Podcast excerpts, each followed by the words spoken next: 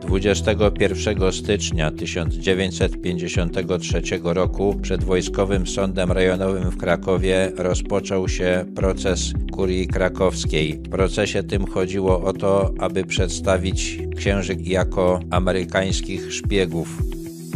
Urząd Bezpieczeństwa wykorzystał księdza Józefa Lelitę z Rabki, który nawiązał współpracę z tak zwanym Komitetem Politycznym skupiającym pozostających na emigracji działaczy Stronnictwa Narodowego, Polskiej Partii Socjalistycznej i Ruchu Wolnościowego Niepodległość i Demokracja. Złamany w śledztwie ksiądz Lelito zeznał, że współpracowali z nim ksiądz Franciszek Szymonek, ksiądz Wit Brzyski i ksiądz Jan Pochopień z kurii biskupiej w Krakowie. Proces był wielkim przedsięwzięciem propagandowym. Odbywał się w sali widowiskowej Zakładów Mechanicznych imienia Szatkowskiego w Krakowie. Później znajdowało się tam kino Związkowiec. Sąd skazał księdza Lelitę i współpracujących z nim Edwarda Hachlice i Michała Kowalika na karę śmierci, księdza Szymonka na dożywocie, księdza Brzyckiego na 15 lat więzienia, księdza Pochopnia na 8 lat więzienia i Stefanie Rozpąd z Żywego Różańca Dziewcząt na 6 lat więzienia rezolucję Związku Literatów Polskich w Krakowie potępiającą skazanych podpisali m.in. Karol Bunsz,